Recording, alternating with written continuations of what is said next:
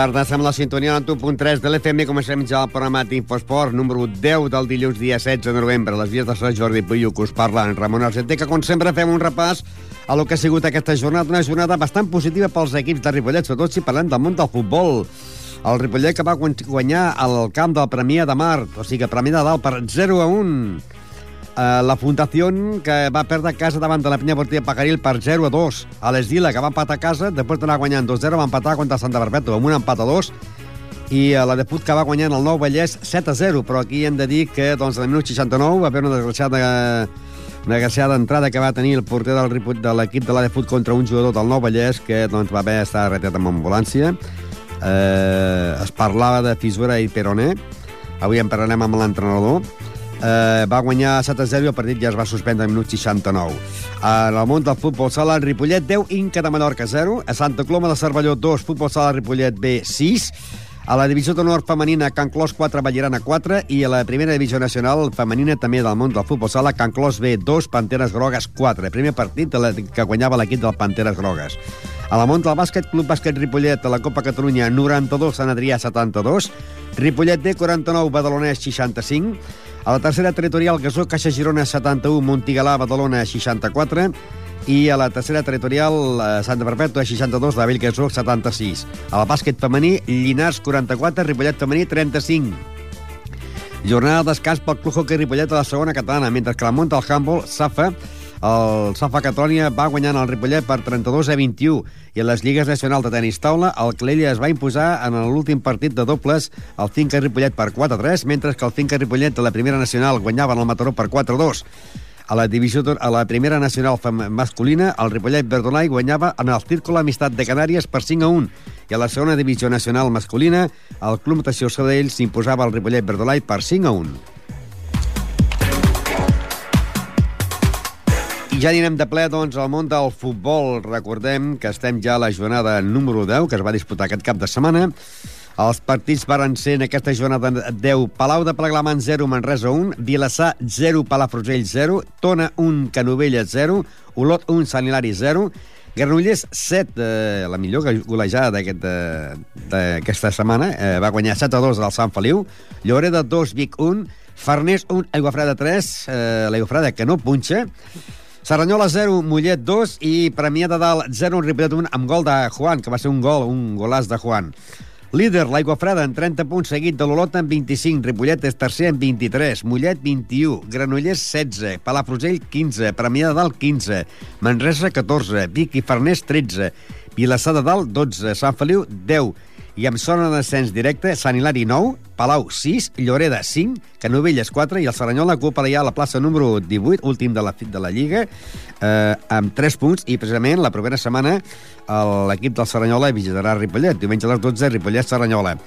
Eh, en el partit que es va jugar aquest cap de setmana doncs, va haver un golàs del jugador del Ripollet, eh, Juan, que aconseguia el 0-1, i a l'acabar el partit el nostre company Miguel entrevistava, com no, doncs, a Jordi Muñoz, l'entrenador del club eh, de futbol Ripollet. Sí, ha salido todo bien. Aparte, ha salido bien y con Premia de Dal, que es un equipazo. Es uno de los equipos que más me ha gustado. Segunda parte, sorpresa cuando te has encontrado que el equipo contrario tenía solo 10 jugadores.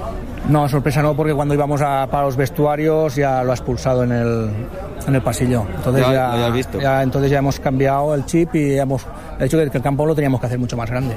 O sea que así ha sido, que tenemos ocasiones hoy para meter 5 o 6, ya lo has visto. Pero bueno, ya me conformo. La portería cero es lo más principal. Qué lástima, ¿no? Las dos ocasiones de Eros que se ha quedado contra el portero. Pues sí, hoy tengo que felicitar a Eros, es un chaval que irá más y bueno, poco a poco, como todos los que están, los jóvenes que han subido, irá teniendo minutos y bueno, ya, ya se sabe, la liga es larga y, y acaban de subir de juvenil. Si tienen paciencia, pues irán bien.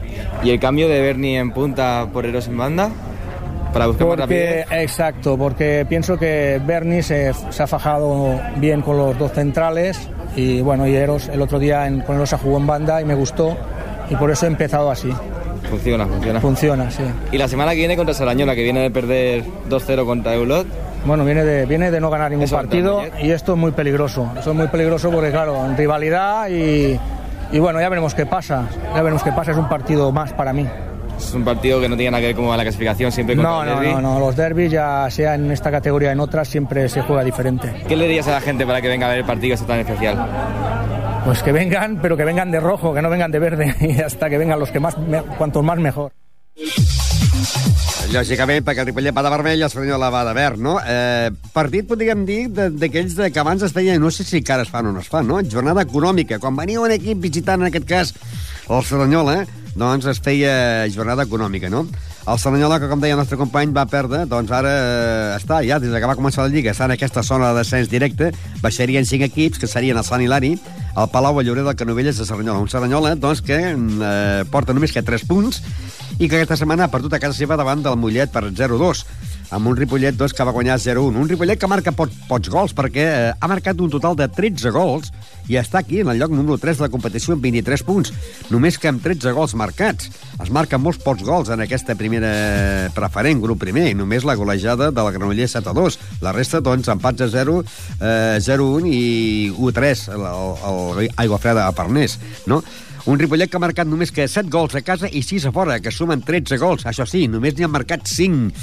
13 gols a favor i 5 en contra. I esperem, doncs, que la propera setmana, el proper diumenge, a partir de les 12, partit de màxima rivalitat entre les dues eh, veïns poblacions, no? Ripollet-Serranyola. Cerdanyola-Ripollet, Ripollet-Serranyola.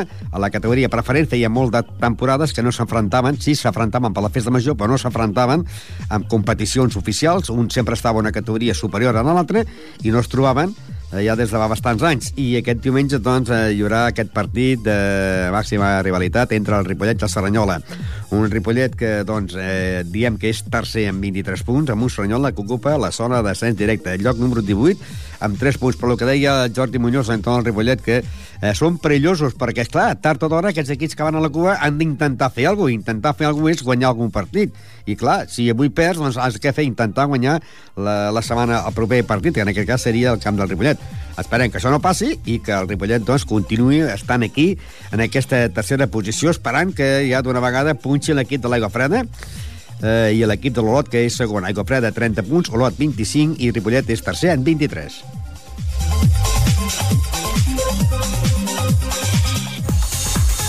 I ara anirem, doncs, a recordar també la penya portiva Pajaril, que és curiós, perquè aquest any el líder és la de Foot, però... Ai, el, el júnior, però entre la de Foot de Ripollet i el Pajaril de Ripollet, doncs un ocupa la segona plaça amb 18 punts i la penya portiva Pajaril ocupa la segona, la tercera plaça amb 16 punts. Aquesta setmana l'equip de, de la penya doncs, eh, va guanyar el camp de la Fundació per 0-2. Javi Variela, bona tarda. Bona tarda, Ramon. Bueno, suposo que tres punts molt importants, també en el camp de la Fundació 0-2. Sí, importants, importantíssims, perquè a més a més és un camp molt difícil, molt complicat, i és un equip que, bueno, va totes i, i donen, donen una miqueta de llenya, i clar, aquests, aquests partits sempre són una mica complicats, però ja guanyar fora era molt important, de fet estem ara mateix a la classificació tercer gràcies a aquest partit. Eh, està la cosa ara ja entre tres equips, no? El, el, el júnior, a la de fut i la penya. Sí, bueno, igualment, per mi encara és d'hora, eh? Jo penso que mm, igualment la cosa ara s'ajuntarà una altra vegada perquè venen partits complicats per tothom també i suposo que fins d'aquí 3-4 jornades realment no es veurà qui, qui serà el que es mantindrà dalt, no, del tot. Però bueno, igualment, de fet, aquests 4 o 5 equips sí que estem a dalt, sí que com a mínim mantenim el nivell i no el baixem, i com a mínim estem aquí. El que passa que marqueu molts pocs gols a fora, vosaltres, no? Eh, porteu marcats a casa de 18 gols i a fora només que n'heu marcat 6. Sí, és que a fora hem començat molt malament. El primer partit del júnior ens va fotre 5. Nosaltres vam fer un gol només. El segon partit fora vam empatar a dos al camp de la Llagosta. Eh, i ara aquesta setmana hem guanyat 0-2. Sí, costa molt. Fora de casa sembla que ens costa una mica. Eh, a casa estem bé, però fora ens costa. Però, bueno, estem a la línia. De moment encara, com dic, és important haver guanyat aquest partit i d'aquí en endavant a veure, a veure què tenim, perquè veritablement també les, els desplaçaments que hem tingut tampoc no han sigut fàcils, cuidado. I tu, que jugueu el dissabte, que aquesta, aquesta setmana vas jugar dissabte, els diumenges també es dediques per anar a veure altres equips, no? Dins sí. de la categoria. Sí, sí, aquesta, aquí tenim molta sort, no?, perquè podem, podem fer-ho. De fet, aquesta setmana, eh, bueno, el júnior el veurem a casa i la setmana vinent de, que tenim aquí un duel molt maco també entre, entre Júnior, Adefu i Pajaril. La setmana vinent s'enfronten també diumenge a casa i també podrem ser-hi per, per veure què, què cartes ens ensenyen, no? Aquesta setmana jugarien Júnior Esdila, eh, Santa Perpètua de Fut i eh, Penya Partida Pajaril Roureda. El Roureda que diuen que, que, té, que té dos equips, l'equip que juga el dissabte i l'equip que juga el diumenge. Que l'equip que juga el diumenge és el que és el més bo. Diuen, eh? Sí, a veure, jo ja les he vist, ja el coneixia, no?, de l'any passat i de l'altre, i aquest any ja les he vist, amb aquest, amb aquest diumenge ha sigut el quart partit que les he vist, i veritablement eh, sembla una cosa així estranya, no?, però, però sí que és veritat que, que a fora porten com a mínim mig equip diferent i a casa juguen uns altres, perquè el vaig veure contra el júnior i guaita no hi havia ni la meitat que vaig veure el, el dimecres, no? I amb dos partits enrere també va passar el mateix. I dic, bueno, pot ser, el que passa que el Rureda sempre és un equip complicat, raro, i bueno, encara que, que pensem en aquestes coses, el millor ve, ve a fora i ve amb, amb tot l'arsenal i disposat a emportar-se els tres punts, normal. El que passa, el que passi, vosaltres, vingui qui vingui del Roreda, sortireu doncs, a intentar que, que els tres punts es quedin aquí. Exactament, nosaltres no hem de pensar qui equip culpa, portaran i com ho faran, i no, nosaltres hem de pensar nosaltres mateixos, vingui qui vingui, jugui qui jugui, i confiar en el que nosaltres tenim i guanyar els tres punts, que és el, el que a nosaltres ens interessa, no? Què et sembla si fem una quiniela dels tres equips de casa? Per exemple, eh, què li posaries tu al Júnior Esdila? Home, el Júnior Esdila, amb tot el respecte, m'agradaria que fos el, que fos envers, no? però, però jo li posaria, li posaria l'1 al Júnior. I el Santa Perpètua a de fut? I aquí penso que mm, el, do, el doble no serveix, oi que no? El que vulguis. Mm, doncs has, de dir, posaria- o, has de dir un 2 o, o X, un de sol. No, jo li posaria una, una X i un 2. I un 2, perquè el. Santa Perpètua tampoc no és... Mm, és un equip batallador al seu camp, vam fer un partit en pretemporada i sé el que es juguen allà, perquè és un camp molt difícil, molt difícil, però la de Fu jo el veig molt fort i la de Fu està una, està una dinàmica que és, que és capaç ara mateix de guanyar qualsevol, o sigui que per mi, i per tant també, si els, els punts es queden en casa, que es quedin en casa. I llavors, mi, ja. I llavors ja de la penya Robreda, aquest ja un 1, no? Bueno, aquí sí, posaria un 1, però, però molt clar. Aquí ni X ni 2, un 1 claríssim, no? Aquí a l'1 a mort i, i no es pot es- escapar, no. Encara que sigui a l'últim minut 1 a 0, gol d'Isma, no? Encara que sigui l'últim minut, no. A quan passin 4 i de planar el gol d'Isma o gol del porter, m'és igual, però 3 punts a casa. Bé, doncs esperem que aquests pu- siguin sumant punts i que hi hagi aquesta pugna, que el Timor és bona, que dos equips de dalt, entre la de Fut i la Penya, us disputeu aquesta segona plaça. Sí, està molt bonic, està molt bonic i a més a més, home, pel poble que cosa més bonita que millor arribi aquesta última jornada i els dos, o si puguen ser, els tres equips del poble, no, oi? Que, que, que estiguessin lluitant per pujar i que ho aconseguessin, no? Seria una cosa molt bonica, però bueno, la temporada és molt llarga i, i veurem a veure què passa. Sort. Gràcies, Ramon. Bona tarda. Les paraules de Javi Varela, que és l'entrenador de la penya partida Pacarila, que aquesta setmana doncs, varen guanyar 0 a 2 al camp de, de l'equip de la Fundació, 0-2, amb gols d'Isma i de Dani Escalera. Eh, 0-2, 3 punts que han sumat, i la classificació, doncs, el Júnior té 20 punts, la de Fut en té 18 i la penya partida Pacarila en té 16. I l'equip de l'Estila, que va aconseguir, doncs, eh, empatar el partit, més ben dit, el que li va empatar va ser l'equip del Santa Perpètua, perquè anava guanyant per 2 a 0, eh, i al final, doncs, el Santa Perpètua, eh, Esdila 2, Santa Perpètua 2, va marcar Alberto i Ismael López per part de l'equip del, del Esdila. De l'Esdila, que ja porta 8 punts, està, ja tenir, té més punts aquesta temporada que sumant les dues últimes, i també anirem a entrar, anirem a intentar entrar en directe amb el seu entrenador Antonio Linares, la setmana passada no va poder, per motius de feina, doncs no va poder entrar en directe, esperem que aquesta setmana s'hi pugui fer, i, eh, i pugui parlar d'aquest partit, doncs, on va aconseguir eh, un empat important, perquè Santa Barbeta també és un equip molt fort, un equip que eh, també té 8 punts i que a última hora doncs, li va escapar els dos punts aquí en l'Esdila, 2 a 2, com dèiem, amb gols d'Isma i de Dani Escalera.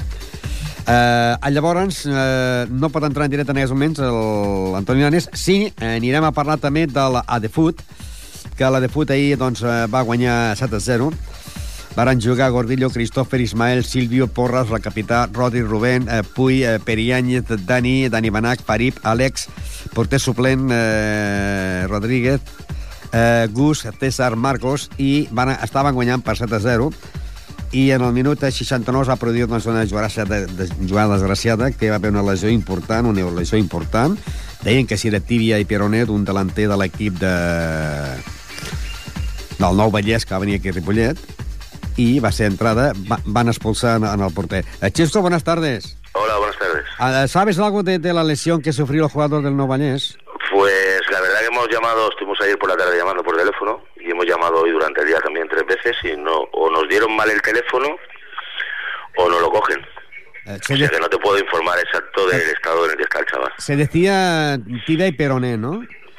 Hombre, yo estaba, yo vi cuando los sanitarios le quitaron con las tijeras porque era materialmente imposible, tal y como estaba la pierna, sacarle la bota y la mincheta. Se lo cortaron con la tijera. Y si la tibia se veía vamos, rota. Lo del peroné no te puedo decir hasta que supongo que hagan una radiografía. Pero la tibia seguro, ¿eh? Porque la pierna estaba totalmente casi colgando. Es una lástima, ¿no? Fue en el minuto 69, eh, salía del portero, que habías cambiado portero precisamente. Sí, sí, porque líder en la primera parte 4-0 ganando, pues decidí darle minutos a todo el mundo. Fue una jugada de mala fortuna. ¿Y cómo estaban los ánimos del portero también? Bueno, el chaval estaba afectado, claro, como es lógico, porque él en ningún momento quería hacerle daño. Él fue a un balón dividido y con tan mala fortuna que supongo que le pilló la cogió la pierna del, del contrario del chaval del No Valles apoyada y casi todo el golpe pues se lo llevaría a la parte de la tibia y por eso se y además, además el portero vuestro es un portero que está parece está fuerte, está fuerte ¿no? Del peso está pesado, fuerte, ¿no? Sí, fue en el minuto 69 y lo lamentable fue lo, lo, que tardó la ambulancia en llegar, ¿no? Sí, eso es una queja que si me permites, sí, sí, sí. me gustaría me gustaría expresar ¿eh? que el servicio de ambulancia tardó mucho, tú fuiste testigo. Sí, sí. Tardó mucho y luego no solo tardó mucho, que el, hay dos puertas para acceder al campo, la ambulancia, y resulta que una puerta que digamos que es la de servicio, donde en teoría tienen que por ahí entrar ambulancias, coches, incluso cualquier vehículo que tenga que entrar para reparar algo al campo, resulta que la llave no la tiene el responsable del campo. No la Entonces, tiene porque no os la han entregado. No os la han, exacto. El ayuntamiento no la ha entregado. Entonces, ¿qué ocurrió? Que la ambulancia tuvo que entrar por la puerta principal, bajar una cuesta que no está condicionada para que baje la ambulancia por ahí, y desde ahí, pues, los sanitarios ir con la camilla hasta el lugar donde se encontraba el jugador. Que también la gente abucheó un poco a los sanitarios porque... Porque la actitud de los sanitarios, la verdad es que no fue la correcta. Parecía una tor dos tortugas, ¿eh? No era, no era, o sea, no sé si es que se creían que, el, que la llamada era en broma, que el daño que tenía el chaval. Luego cuando vieron realmente cómo tenía la pierna el chaval, su actitud cambió bastante, pero llegaron un poquito, pues, yo no diría desafiantes, pero sí tranquilos y Sí, que la gente estaba desesperada, incluso los jugadores de, de la de fútbol y jugadores de ellos fueron hacia la ambulancia a decir, eh, venga, va, muchachos, que es está que, a ver, si alguien se ha tenido la mala suerte o la mala fortuna de romperse un hueso, sabe un hueso duele mucho. Y un hueso del tamaño de la tibia, el dolor supongo que debe ser bastante insoportable. Y además, Entonces además, nosotros veíamos sí. al chaval, estaba totalmente pálido, retorciéndose de dolor, y claro, pues normal, sus compañeros y nosotros todos preocupados. ¿no? Volviendo a lo de la llave, ¿esta llave ya la habías pedido anteriormente o, o, no? No sé, no te puedo decir si la han solicitado o no la han solicitado. Yo supongo que sí que la solicitarían. Supongo. Porque esa llave tendría que estar en el campo. No hay Esa que esperar que pase una desgracia. Porque, a ver, esta vez ha sido un hueso. Tenemos la mala fortuna, Dios no lo quiera, que no ocurra nunca. Que es un golpe en la cabeza, donde los segundos, los minutos pueden ser decisivos. Y y ahí tiene que haber un poquito, yo creo, de más coordinación, tanto de que para la ambulancia nos pueda dar el servicio antes y de que cuando llegue la ambulancia, si es un golpe en la cabeza, por ejemplo, o es una, reanimación cardíaca, pues la ambulancia igual, el grupo que tiene para hacer, para reanimar al, al chico o al paciente, tiene que acercarlo hasta el campo. Si no tiene una puerta de acceso hasta el campo, Claro, porque si hubiera entrado, si hubiera entrado, pues iba a entrar por la puerta esta que está cerrada, eh, estaba... Llega literalmente hasta el jugador. Hasta el jugador. Y sí, claro, si en vez de un hueso que se lleva con la camilla, se inmoviliza tal, pero por desgracia estamos oyendo que, que hay infartos, que pasan desgracias en los campos de fútbol. Y estas cosas hay que prevenirlas porque luego cuando ocurren las cosas nadie quiere depurar responsabilidades, no es culpa de nadie y, y el que pierde es el que se va al otro barrio. El portero fue expulsado en el minuto 69. Sí. ¿Esto le va a perjudicar para... ¿Le van a castigar Supongo, o no? sí, supongo que tendrá una sanción como mínimo de un partido. Porque el, el, el- el árbitro no ha puesto donde digásemos una entrada, ha puesto nada, roja nada más, no aquello ni agresión ni nada. y que en un balón dividido llegó tarde y lo arrolla y le, y le y es roja directa porque la fe es el hombre. Eh, y claro, ese partido, se, hablaste yo vi un momento que estabais hablando los delegados, Sí, los entrenadores. finalizado. Finalizado, ¿no? El mismo joder creo, no, no, mira, ya está. Y nos reunimos el entrenador de ellos, su delegado y nosotros, y con el resultado como estaba, quedando 20 minutos, ellos dicen, vamos a tener que venir otro día, con 20 minutos vamos perdiendo 7-0, y nosotros ahora lo que queremos es irnos y no tener que volver luego un día entre semana para jugar 20 minutos con un resultado de 7-0. Y entonces hablemos, nos pusimos de acuerdo con el árbitro y quedó finalizado. Es que más además la armonía fue muy buena entre todos los jugadores, ¿no? Sí, sí, entre nosotros no hubo, si es que fue una jugada de mala, de mala fortuna. Tuviste el partido, durante todo el Sí, partido, sí, sí. fue de guante blanco, o sea, no, no hubo entradas duras, no... Una, una jugada de mala fortuna. Eh, ¿Cuántos partidos le pueden caer al, al? De, yo supongo que uno, Uno, ¿no? sí. Eh, supongo que, claro, la, la Inemanéis para que... El chaval estaba bastante, estaba bastante desmoralizado. Sí, sí, sí, pero bueno, ahora durante esta semana ya estaremos hablando con él. Y bueno, pues una cosa, una jugada de mala fortuna tiene que reponerse, le puede pasar a cualquiera. Bueno. Otro día puede ser él el que salga y lo golpeen con mala suerte y, y el que se lleve el daño sea él. Esto, cuando juegas a fútbol a veces ocurren estas cosas. Bueno, y estáis aquí, vais segundos, 18 puntos, ¿eh? Sí, bueno, pero es engañoso, ¿eh? Bueno, bueno, pero ya estáis aquí. Sí, sí, bueno, a ver. Pero lo, lo difícil a veces no es llegar, es mantenerse. ¿eh? Bueno, pero yo creo que tenéis mucha moral, ¿no? Hombre, a ver, los chicos están animados, estamos jugando bien, pero la temporada es muy larga y se, fa- se pasan fases. Ahí ahora igual estamos en un momento dulce, que los jugadores le entran los balones, salen la jugada, y luego igual entras en una dinámica que tienes menos, más mala suerte, no entra el gol. Queda mucha temporada, no se pueden hacer planes. Partido Ahora, a partido. ahora acabamos de colgar a Javi Varela, que hemos hecho una quiniela entre los equipos de casa, y ha puesto al Junior Esdila un 1. ¿Qué le pondrías tú al Junior Esdila? Yo, sabiéndome mal, a ver, me gustaría que ganara el Dylan y que diera una sorpresa. Sería favorable para el Pajaril y para nosotros. Y aparte me une una amistad con el entrenador de, del Dylan, con, con Linares. Y yo pues, me gustaría que ganaran, pero lo veo difícil. Supongo que ganará Junior. Un empate ya mm, lo consideraría un buen resultado si consigue el Dylan un O empate. sea, que pones un empate, pero se, pones... mm, si fuera una quiniela para ganar millones sería el 1, ¿no? Sería el uno, sí. El empate es con el corazón. con la cabeza es el uno. Luego Javi ha puesto en el Santa Perpetua de Foot una X y un 2. Bueno, está bien, buen resultado. ¿Y tú qué le pones? Un 2 a secas, ¿no? Hombre, yo siempre a mi equipo le pongo que gane. Luego, según cómo vaya el partido, igual el empate puede ser bueno. Y luego ha puesto él al su equipo eh, Pajaril Roreda un 1. ¿Tú qué le pones? Yo creo que aquí el Pajaril ganará. Si fuera en campo del Robreda, tendría mis mis reparos, ¿no? O sea, tendría mis dudas. Pero yo creo que aquí el Pajaril, el Pajaril gana. Eh, ¿Porras es el especialista en tirar los penaltis o qué? No, no lo habíamos. Porque es, también, también es, es- mm, difícil, ¿no? Que en pocos minutos te marquen, en el minuto 1 y el minuto 13, eh, te marque, te, te piten penalti. A favor. Sí, sí, fue... A ver, los penaltis fueron claros, Sí, ¿eh? sí, pero me refiero a que a veces sabes que son claras y no te los pitan, ¿no? Pero hay veces sí, en esta categoría suele ser raro que te los piten. Los pitó el árbitro. La verdad que nosotros lo de los penaltis es una cosa que normalmente el que tiene confianza y lo pide tirar él, lo tira. No tenemos un especialista, claro. En otro tipo de jugadas sí tenemos algún especialista. En las faltas, Pero en los ¿no? penaltis no. Los penaltis yo soy partidario del jugador, los más veteranos, si se ven con confianza, lo tiran y, y ya está. no Pues suerte y ánimos y, eh, que se recupere moralmente el portero también, porque claro, lo- el otro se rompió, pero él está afectado, ¿no? Sí, sí, pero bueno, yo ya te digo que durante esta semana, hablando con, entre sus compañeros y yo, ya le levantaremos el ánimo y hay que tirar para adelante. Suerte. Venga, gracias, Ramón. Les paraules de Xesco, que és l'entrenador de la de Fut, que com veieu doncs, hi ha hagut aquesta lesió que va haver en el minut 69 i com que estaven guanyant 7 a 0 perquè el partit va ser... No va passar res fins a aquesta jugada. En el minut 1, eh, penal, Porres posa l'1 a 0, en el minut 13, penal, una altra vegada, Porres tira el 2 a 0, en el minut 29, Farip el 3 a 0, en el minut 38, Farip el 4 a 0, i aquí vam anar al descans. Al minut 54, Gus, el 5 a 0 de cap, a la 62, Perianyet, a la 66, Ismail, el 7 a 0, i a la minut 69, doncs, la vermella directa per aquesta entrada, a la que doncs, va xocar els dos jugadors i aquest jugador de l'equip del Nou Vallès va haver de marxar amb l'ambulància.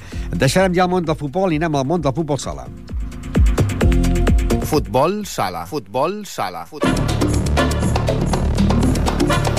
I en el moment del futbol sala, futbol sala Ripollet, que va guanyar i golejar a l'Inca per 10-0. Ripollet 10, Inca 0 amb quatre gols de Quique, un de Nando, dos del Puente, eh, dos de Sergio i un de Fran. Eh, 10 a 0 davant de l'equip de l'Inca, que ocupa la última plaça de la Lliga. Al minut 4, Sergio 1 0. Al minut 8, Nando el 2 0. Al minut 12, el Puente el 3 0. Un golaç. Va fer una vassalina important. En el 17, Sergio 4 0. En el 18, Fran el 5 0. I en el 20, Quique el 6 0. En aquest resultat anàvem al descans. En el, ja, ja a la segona part, Quique el 7 0, Quique el 8 0, eh, Juan Eli el 9 0 i el Puente el 10 0.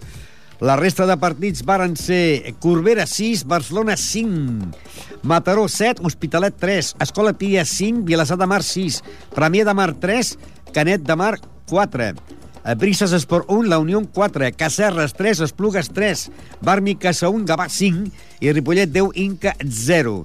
Eh, líder, Vilassar de Mar, 25 punts, seguit del Corbera amb 24, Barcelona 22, Hospitalet 19, La Unió 16, Ripollet, lloc número 6 amb 14 punts, Brises Esport 13, Esplugues 12, Canet 11, Barmi Casa 10, Mataró 9, Escola Tia 9, Premià 9, i en zona l'ascens directe, Cacerres amb 9, Gavà amb 6 i tanca a l'Inca eh, amb 16, en el lloc número 16 amb 3 punts. A l'acabar el partit, doncs, eh, parlàvem amb el seu entrenador, Antonio Estremera, que estava content per amb el resultat, però, esclar, ell hagués preferit també que es hagués guanyat el camp del Barça i sobretot els partits d'aquí d'aquí casa contra el, Minica, el Micasa es haguessin guanyat, no? Aquest 10-0, eh, sí, però tampoc li va donar molta importància.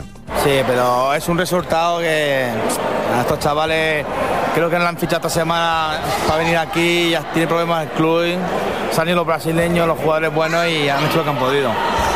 Eh, oían eh, comentarios en las gradas de que quizás ese equipo se retire. Hombre, yo sigo diciendo, todo, el mundo en el club decía que no venía esta gente a jugar, yo dije que sí, porque parece ser que le van a dar una subvención que como cada año todavía se la han dado. Y se retire la perderían. Y aparte, la fianza que se dan, que tienen depositada la Federación Española en Madrid, la perderían. Y es dinero.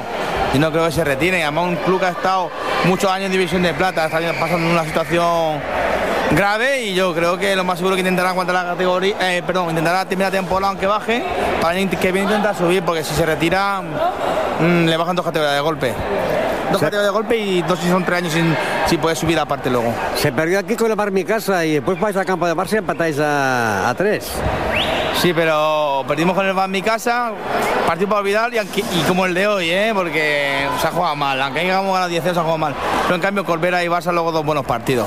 Esa es la línea que tenemos que seguir. Y hoy nos hemos contagiado y esa es la línea. Y la semana que viene vamos con el hospital, el otro favorito para subir en la categoría. Lo que diga a preguntar, ¿no? Es la, el empate de la Barça y la goleada de hoy dará moral para el campo del Hospitalet. Para moral, como he dicho, Corbera y Barça. Esto es para pasar el trámite, entre comillas, de jornada. Pero si jugamos como el día del Corbera y el día del Barça, nosotros podemos, podemos dar la- ganar en campo del hospital. ¿Por qué no? Pues el Hospitalet es el, podríamos decir, el equipo revelación. No, el Hospitalet tiene jugadores de, el Hospitalet viene de jugar mucho- en dos- hace dos temporadas en División de Plata, tiene Xavi Olivera de Marfil, Mariano de Barça de División de Honor, tiene un eh, jugador de División de Plata y algunos de División de Honor, ¿eh? ¿Y el Barça lo ves candidato para quedar campeón o no? Corbera, Barça y Hospitalet. Esos tres. ¿Y al Ripollet dónde? Ripollet porque hemos tenido partidos malos, si no yo creo que entre los cinco primeros podemos estar tranquilamente. Y además se demuestran los dos partidos que hemos jugado contra el Barça y Corbera. Hoy cuatro goles de Quique. Cuatro con el Quique, bueno, a ver si se suelta, que es un jugador nato y que necesita, que hace falta para recuperarlo a este jugador. El que no acaba de destaparse es Juanito, ¿no? Mm, No es que no se tape de destapar, porque el día de Corbera marcó dos goles muy precisos y el día de Barcelona marcó un golazo que es digno de un jugador de división honor, pero hoy el chaval no ha salido, no era el día para salir de las cosas y se ve que los equipos inferiores no hacen las cosas, pero Después de jugar la semana que viene contra el Hospitalet, ¿tenéis un calendario más flojo ya o no? no, porque nos toca equipos que están arriba en la misma posición que nosotros. La Unión es uno de ellos, Mm, no hay que fiarse. Y ahora que pasa el puente por aquí, vaya golazo también del puente, ¿no? A ver si tiene continuidad, pero le falta física todavía, ¿eh? Sí. Hacía días que no jugaba, ¿no? ¿Estaban lesionados o qué? No, eh, el problema es temas internos del club. El año pasado dejó el equipo y tiene que ganarse el puesto como los demás. Pues el Puente va marcar dos gols. El primer va ser un golaç, que va ser el 3 a 0, en el minut 12. Varen jugar Guerra, Toni, Nando, Ávila, Sergio, Juanele, Fran, Juanito i Quique, amb quatre gols de Quique, un de Nando, dos del Puente, dos de Sergio i un de Fran. 10 a 0 davant de l'equip de el Inca, que, com heu sentit, doncs, deia que s'hi retiraria, que no retiraria, van venir aquí amb els suplents, i que està en zona d'ascens directe. La setmana que ve, el Ripollet, que va a la Lliga amb 14 punts, jugarà contra l'Hospitalet. Un Hospitalet que va perdre a Mataró 7 a 3. Un Hospitalet, per això, que és quart, amb 19 punts, i el Ripollet, que és sisè amb 14 punts. Doncs la propera setmana, a partir de dos quarts de set, el Ripollet eh, jugarà a la pista del Hospitalet. Per que fa el, el, el que és també el futbol sala, però en aquest cas a la categoria preferent, hem de dir que el futbol sala Ripollet, eh, a l'equip B, va anar a jugar a Santa Coloma Cervelló i va guanyar per 2 a 6 amb un gol de Carlos, eh, un de Javi, un de Marc Martí, eh, un d'Edgar i dos d'Isaac. Isaac és un jugador que ja és el màxim golejador de l'equip del futbol sala de Ripollet, de l'equip B, un jugador que havia estat jugant a la Lliga Nacional amb el, el Ripollet, ara porta doncs, aquest jugador ja 9 gols, i que eh, ha tornat, però per moment està jugant amb l'equip B. Un Ripollet que en aquests moments eh, suma ja un total de 11 punts i està situat en el lloc número 7 de la competició davant d'un Sant Feliu que ocupa la primera plaça amb 16 punts. I per la part baixa tenim a Santa Perpètua amb 4 i la Penya Esplugues només que amb un punt. Una futbol sala de Ripollet, estem parlant de l'equip B, que com dèiem va guanyar al camp de Santa Coloma Cervelló per 2 a 6 i que eh, la setmana que ve, la setmana que ve jugarà a casa i ho farà contra l'equip del Castellà del Vallès. Un Castellà del Vallès que en aquests moments el Castellà té 11 punts i és quart a la Lliga. Això serà el proper partit en quant al món del futbol sala. Però també es va jugar aquest cap de setmana, aquí a Ripollet eh, hi va haver coincidència, i a més a més van jugar els quatre equips de futbol sala. Els dos equips femenins, el Can Clos A i el Can Clos B, i el, també van jugar doncs, el d'equip de Primera Nacional i l'equip de la Preferent. L'equip B va haver de jugar a la pista anexa. Hem de dir que el resultat va ser favorable a l'equip visitant, que van eh, guanyar per 2 a 4.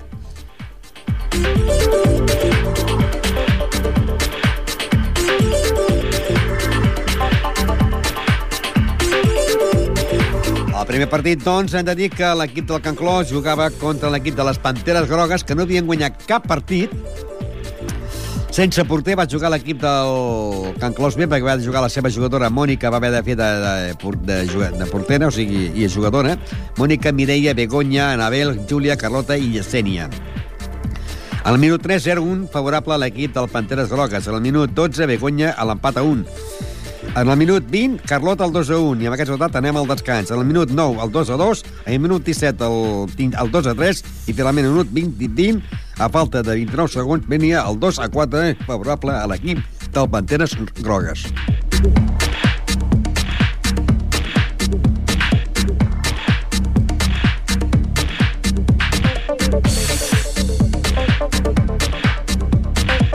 Els resultats van ser Martorelles 1, Palau 6, es va suspendre el partit entre el Provençalenc i el Sant Pedor, Centelles 3, Cervera 4, Teià eh, Hospitalet suspès, Arenys de Montós, Esplugues 0, Sant Just 0, Penya Blaugrana, Sant Andreu 3 i Can Clos B 2, Panteres Grogues 4. Líder, el Can Clos, amb 10 punts. Amb 9 punts ja estan el Cerver i Palau. Amb 7 punts, Sant Just Hospitalet. Amb 6 punts, Esplugues, Arenys de Munt i la penya Blanc i Blava, Sant Andreu. Amb 4 punts, Teià, Centelles i Martorelles.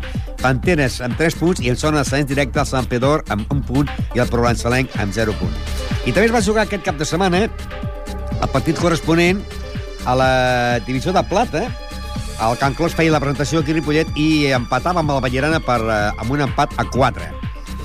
Eh, amb gols de Belén, 2, Celi 1 i Olga 1. Hem de dir que l'equip del Can Clos doncs, va començar, Belén posava el 1 a 0, empatava l'equip de la Ballerana, eh, Belén tornava a posar el 2 a 1 i en el minut 15 un golàs de Celi posava el 3 a 1. En el minut 4 venia el 3 a 2, en el minut 18 el 3 a 3, al minut 19 el 3 a 4 i al minut 20 Olga posava el 4 a 4.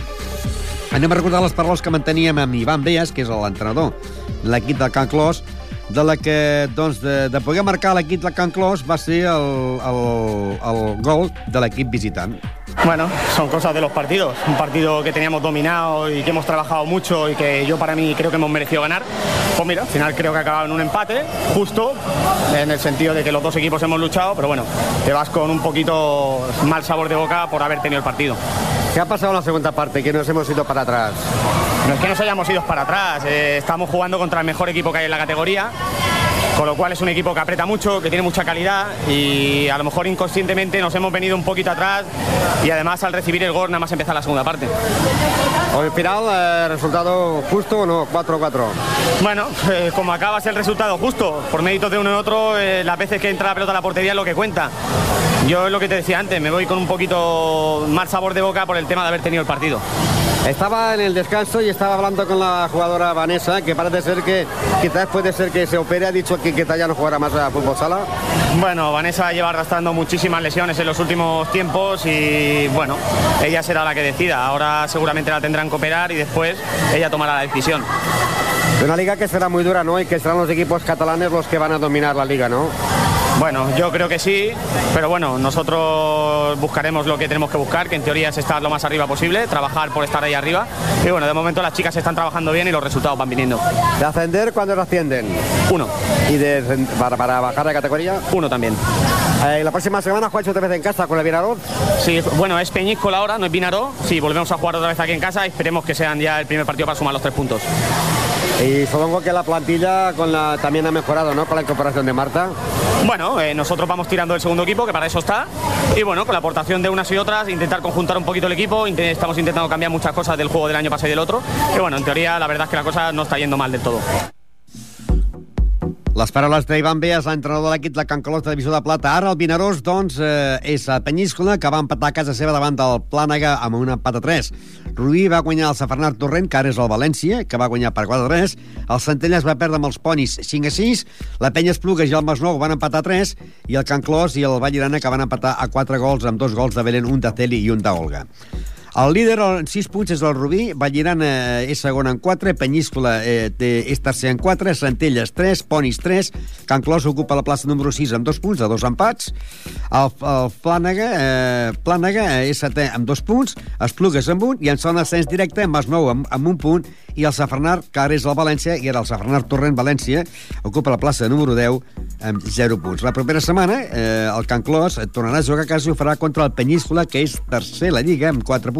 Un Penyíscola que va empatar a casa seva davant del Pl- eh, Plànega de Canàries amb un empat a 3, vindrà aquí Ripollet com a tercer classificat per jugar contra el Can Clos. Aquest partit començarà a les 5 de la tarda en el pavelló Joan Creus.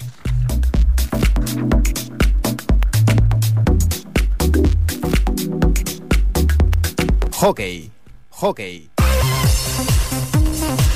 I el dilluns passat i divendres teníem en directe l'entrenador eh, Tato, que és l'entrenador del Club Hockey Ripollet, que dèiem del mal calendari que té el Ripollet perquè té de sis jornades en portaven quatre de descans. Aquesta setmana varen descansar, que és la jornada número 9.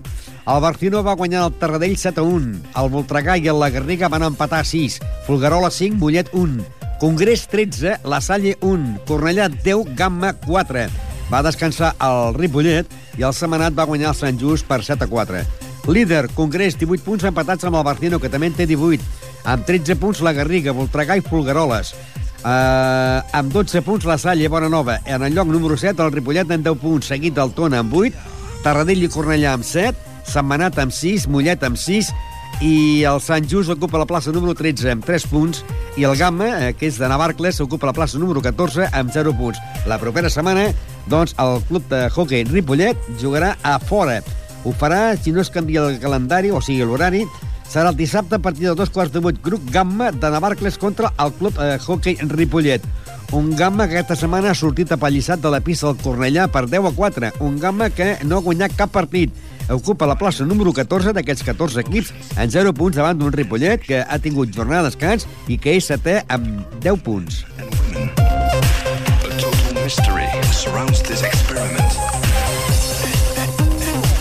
Amb vol. Amb vol. I anem al món del handball. El Montcada va perdre casa davant de la Salle eh, Baronova per 20 a 35, mentre que el Gavà va perdre també a casa contra el Rubí, 26 a 36. Van descansar el Molins de Rei i el Pau Casals mentre que també va descansar... Eh, sí, perdó, va descansar el Pau Casals i a l'Aula. Van tenir jornada de descans. I l'equip del Safa Catalunya que va guanyar en l'equip del Humboldt Ripollet per 36 a 21. Diego va marcar 3 gols. Diego, a més a més, eh, fa de porter i de jugador va marcar 3 gols. Eloi 3, Sergio 5, Adrià Jordana 4, Joshua 3, Òscar Aguilar 2 i José Luis 1. Líder, la Salla Bonanova amb 8 punts, seguit del Pau Casals amb 6, el mateix que el Rubí. En 4 punts, el Sant Andreu de la Barca i el Safa Catalònia.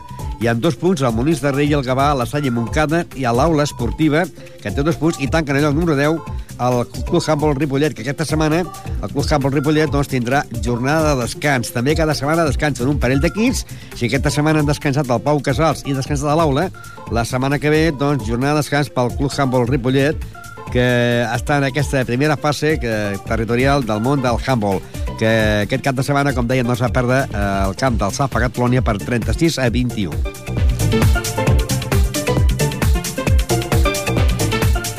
Tenis taula, tenis taula.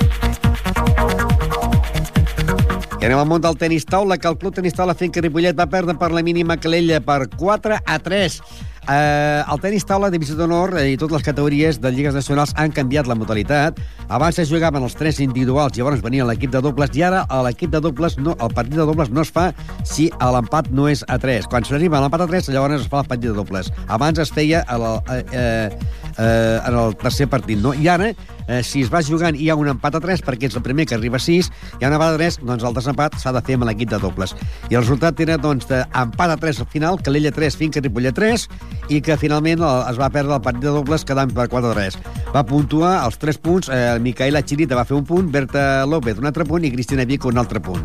El Sant Sebastián va, guanyar, va perdre a casa davant del Balaguer per 3 a 4, el Lecanea d'Irun va guanyar el Balaguer per 4-2 i el Bàscara va eh, guanyar el Requena de València eh, va guanyar el Requena de València per 2 a 4.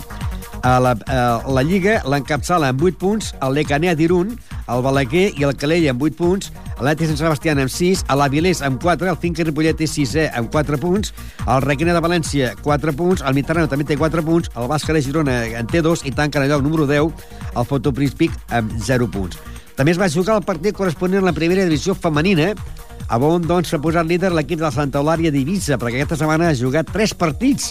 Ha viatjat cap a Catalunya i ha jugat contra el Calella, contra el Foto Prisvic i contra el Caçà de la Selva, guanyant per 0 a 6, eh, 1 a 6 i també per 1 a 5 i també va guanyar per 1 a 5. Per tant, per tant, eh, líder a l'equip del Santa Eulària amb 8 punts, seguit del Faguns de Sabadell amb 6 i el Finca Ripollet és tercer amb 6 punts, el mateixos que el Caçà de la Selva, que en té 6. Mataró 4, Teneu 2, Calella 0 i Fotopris Vic 0. Aquesta setmana els part... el Finca Ripollet va jugar contra el Mataró i la va guanyar per 4-2, amb un punt de Anna Ibáñez, un punt de Júlia Berta i un punt de Meritxell que va fer dos punts. Per tant, doncs, 4-2 davant de l'equip de el Mataró. La propera setmana hem de dir que el Finca Ripollet tindrà jornada de descans tant a l'equip masculí, ai, tant l'equip femení de la divisió de plata com al Primera Nacional Femenina. Pel que fa al món del tenis de la Lliga Nacional Masculina, el Ripollet va guanyar el Círculo de l'Amistat de Canàries per 5 a 1, amb dos punts de Miquel Arnau, eh, un punt de Fred i un punt d'Àngel Carreón. Uh, el Falcons va perdre davant del Círculo de l'Amistat per 0 a 6, el Vilanova va guanyar en l'Hospitalet 4 a 2, l'Esparreguera va guanyar 4 a 2 als Amics de Terrassa per 4 a 3, i el Mataró que eh, va tenir jornada de descans, mentre que el Ripollet Verdolai guanyava 5 a 1 al Círculo d'Amistat de Canàries per 5 a 1. Líder l'Esparreguera amb 12 punts, seguit del Círculo d'Amistat de Canàries amb 8. Ripollet Verdolai és tercer amb 8 punts. El Mataró és quart amb 6, el Vilanova té 6 punts, el Falcons 4, l'Hospitalet 2, els Amics de Terrassa 2, los Llanos de Canàries 2 i el defensa de l'Eix de la Palma, en el lloc número 10, també amb 0 punts. I finalment, a l'equip de la segona nacional, hem de dir que el Ripollet va perdre la pista del Club Natació Sabell per 5 a 1, l'únic punt el va fer Lluís Soler, i que el líder és l'Olot amb 10 punts, seguit del Bàsquet de Girona amb 10 punts, i el Ripollet ocupa la plaça número 10 amb 0 punts. El Ripollet Verdolai, que és l'equip jove que no ha guanyat encara cap partit i possiblement no en guanyi cap perquè són jugadors eh, juvenils i infantils que estan jugant a la Lliga Nacional. La propera setmana hem de dir que el Ripollet Verdolai de la Primera Nacional jugarà a Terrassa contra els amics, mentre que el de Segona Nacional jugarà a casa contra l'equip del Tirbo de Sabadell.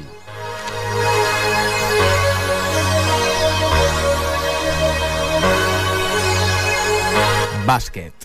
Bàsquet. I érem al món del bàsquet. Copa Catalunya, Club Bàsquet Ripollet 92, Club Bàsquet Sant Adrià 72. Líder el Sant Josep de Girona amb 17 punts, però atenció, perquè la segona plaça se la disputen 7 equips, tots amb 15 punts, a dos punts del líder. Barberà eh, en té 15, el grup Ossoi de Badalona 15, el Sant Josep de Badalona eh, també té 15 i el Ripollet està en el lloc número 5 de la competició amb 15 punts. Parrenet té el Montgat i el Santa Coloma també en 15. En 14 punts el Figueres i el Sant Adrià. En 13 punts l'Igualada, el Blanes i el Ninguella. Amb 11 punts el Salt, el Argentona i també el Sant Andreu de Nazaret de Badalona. Sorpresa que aquest equip, doncs, que sempre havia fet uns bons papers, ara estigui en zona d'ascens directe. I també està en zona d'ascens directe l'equip del Pineda, que ocupa la plaça número 16 amb 9 punts. Un Ripollet que va guanyar, doncs, per 92 a 72 en l'equip del Club Bàsquet Sant Adrià. Una Sant Adrià que està ocupant la plaça número 9 amb 14 punts. La setmana que ve el Ripollet pitjarà cap a Girona per jugar contra el Club Bàsquet Salt. Un salt que aquesta setmana ha perdut en la pista de Sant Josep de Giró de Badalona per 73 a 66. Un salt que ocupa la plaça número 13 amb 11 punts jugarà contra el Club Bàsquet Ripollet. Aquest partit seria el dissabte a partir de dos quarts de sis de la tarda. Salt de Girona, Ripollet. Pel que fa al Ripollet B de la Copa Catalunya tercera categoria, el Ripollet B doncs, va perdre davant del badalonès Montigalà per 49 a 65 i ja té un partit menys a jugar, eh, que va tenir jornada, doncs, un partit que es va ajornar a camp contrari i que ocupa la zona d'ascens directe en el lloc número 16 amb 9 punts. El líder és l'equip del Berga i el segon és el Serranyola, que tots estan empatats a 16 punts. Però el Ripollet està en zona d'ascens directe. La propera setmana el Ripollet jugarà a la pista del Sallent. El partit serà dissabte a partir de dos quarts de sis de la tarda. Un Sallent que aquesta setmana ha guanyat en el camp del Castellà del Vallès per 68 a, 70, a 68 a 81 un Castellsallent que és segon, eh, o sigui, que ocupa la plaça número 12 amb 12 punts, amb un Ripollet que ocupa la plaça número 16 amb 9 punts. Es veuran les cares aquest dissabte a partir de dos quarts de sis de la tarda. Sallent, Ripollet B. Pel que fa al Gasó, els dos equips del Gasó de la tercera territorial, Gasó Caixa Girona 71, Montigalà Badalona 64 i Santa Perpètua 62, la Vell Gasó 76. Líder, la Vell Gasó que té 16 punts. I el Gasó Caixa Girona ocupa la plaça número 6 amb 12 punts. I la propera setmana, a partir de dos quarts de deu del matí en el pavelló eh, Joan Creus, la Vell Gasó contra el Gasó Caixa Girona. Els dos equips de casa es veuran les cares i, uh, i l'equip del Gasó, doncs el Lavell, és líder amb 16 punts, amb un Gasó que ocupa la plaça número 8 amb 12 punts. Els dos equips del Gasó se jugaran aquest cap de setmana el seu partit de rivalitat, mentre que l'equip femení el Ripollet femení, eh, que també és un equip del Gasó, va perdre a la pista del Llinars per 45 a 35. Eh, Llinars, 45, bàsquet femení Ripollet, 35. Líder, el Ronçana, amb 13 punts. Segon, el Llavaneres, amb 12. I el bàsquet femení Ripollet, només que amb 4 partits, perquè en té 3 aplaçats, ocupa la plaça número 12 amb 4 punts. I la propera setmana jugarà a casa a partir de les 11 del matí del diumenge, grup bàsquet femení Ripollet contra el Llavaneres. El Llavaneres, que en aquests moments és segon a la Lliga, amb 12 punts, doncs jugarà contra el Club Bàsquet Femení Ripollet. Un Llavaneres que aquesta setmana eh, va perdre a casa davant del Ronçana, el líder, per 50 a 55.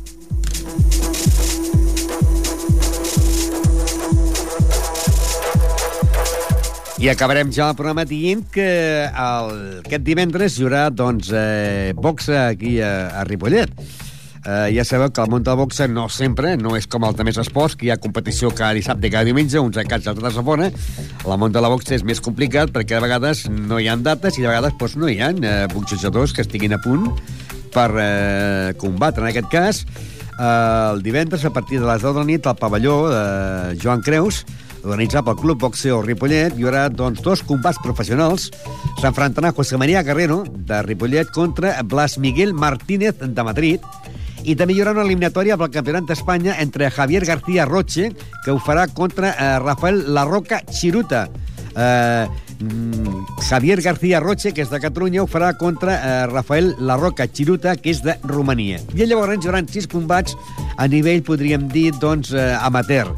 Uh, hi haurà Alex Guisado, que és de Ripollet, que ho farà contra Oliver Cabezas, Ramon Alcaraz, que ho farà contra Roclo Bernadelli, uh, Daniel Álvarez contra Víctor Pérez, Raúl González contra Matías Sang i Òscar Jiménez contra Ivan Ruiz. Recordem que uh, els dos boxejadors estan aquí preparats uh, per Julián Cabeza del Club Boxeo Ripollet, doncs uh, serà José María Guerrero, que és, de, eh, que és de la Llagosta, però que està amb el Club Boxeo Ripollet, com aquest combat de professional, i llavors també dirigirà a Àlex Guisado, que és del Club Boxeo Ripollet, que eh, boxejarà contra Oliver Cabeza. Uh, Oliver Cabezas, mentre que el preparador del Club Boxeo Ripollet és Julián Cabeza. Aquests combats serà en el pavelló Joan Creus, eh, divendres a partir de les 10 de la nit. Doncs també hem de dir que Ripollet Ràdio estarà allà present, els nostres companys eh, Miguel i Norma estaran allà per fer un bon reportatge, sobretot a José María Guerrero, també amb Àlex Quisado, eh, i també amb Julián Cabeza. Es pot dir, eh, abans de, de lluitar José María Guerrero contra Blas Miguel Martínez, que ve de Madrid, i el després, que hagi passat, si hagi guanyat o hagi perdut, a l'abans i el després també amb Àlex Guisado, de Ripollet, que eh, s'enfrontarà a Oliver Cabezas. I també eh, Oliver, eh, Juan, eh, Julián Cabeza ens farà un balanç, doncs, de, de, de com està el club boxeo Ripollet, sobretot doncs, d'aquests dos, del professional José María Guerrero i de eh, Àlex Guisado del club boxeo Ripollet. Això serà el divendres a partir de les 10 de la nit en el pavelló eh, Joan Creu. Ja sabeu que en aquest pavelló hi ha eh, mo moltes, moltes activitats, però que també se, es posa un parquet eh, diferent al terra i s'ha de muntar, lògicament, amb molt treball, doncs les pistes eh, que es posen, les, de la silla de pista, que es posen dintre la pista, i muntar el ring, que això porta una gran feinada, i com sempre, doncs, un gran treball a càrrec del Club Boxeo Ripollet.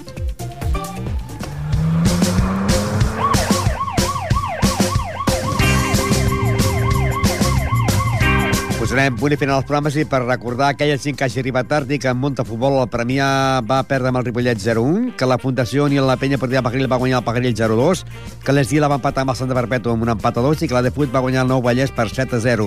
A la Monta Futbol Sala, el Ripollet 10, Inca de Menorca 0, Cervelló 2, Futbol Sala Ripollet B 6, Can Clos A 4, Vallirana 4 i Can Clos B 2, Panteres Grogues 4.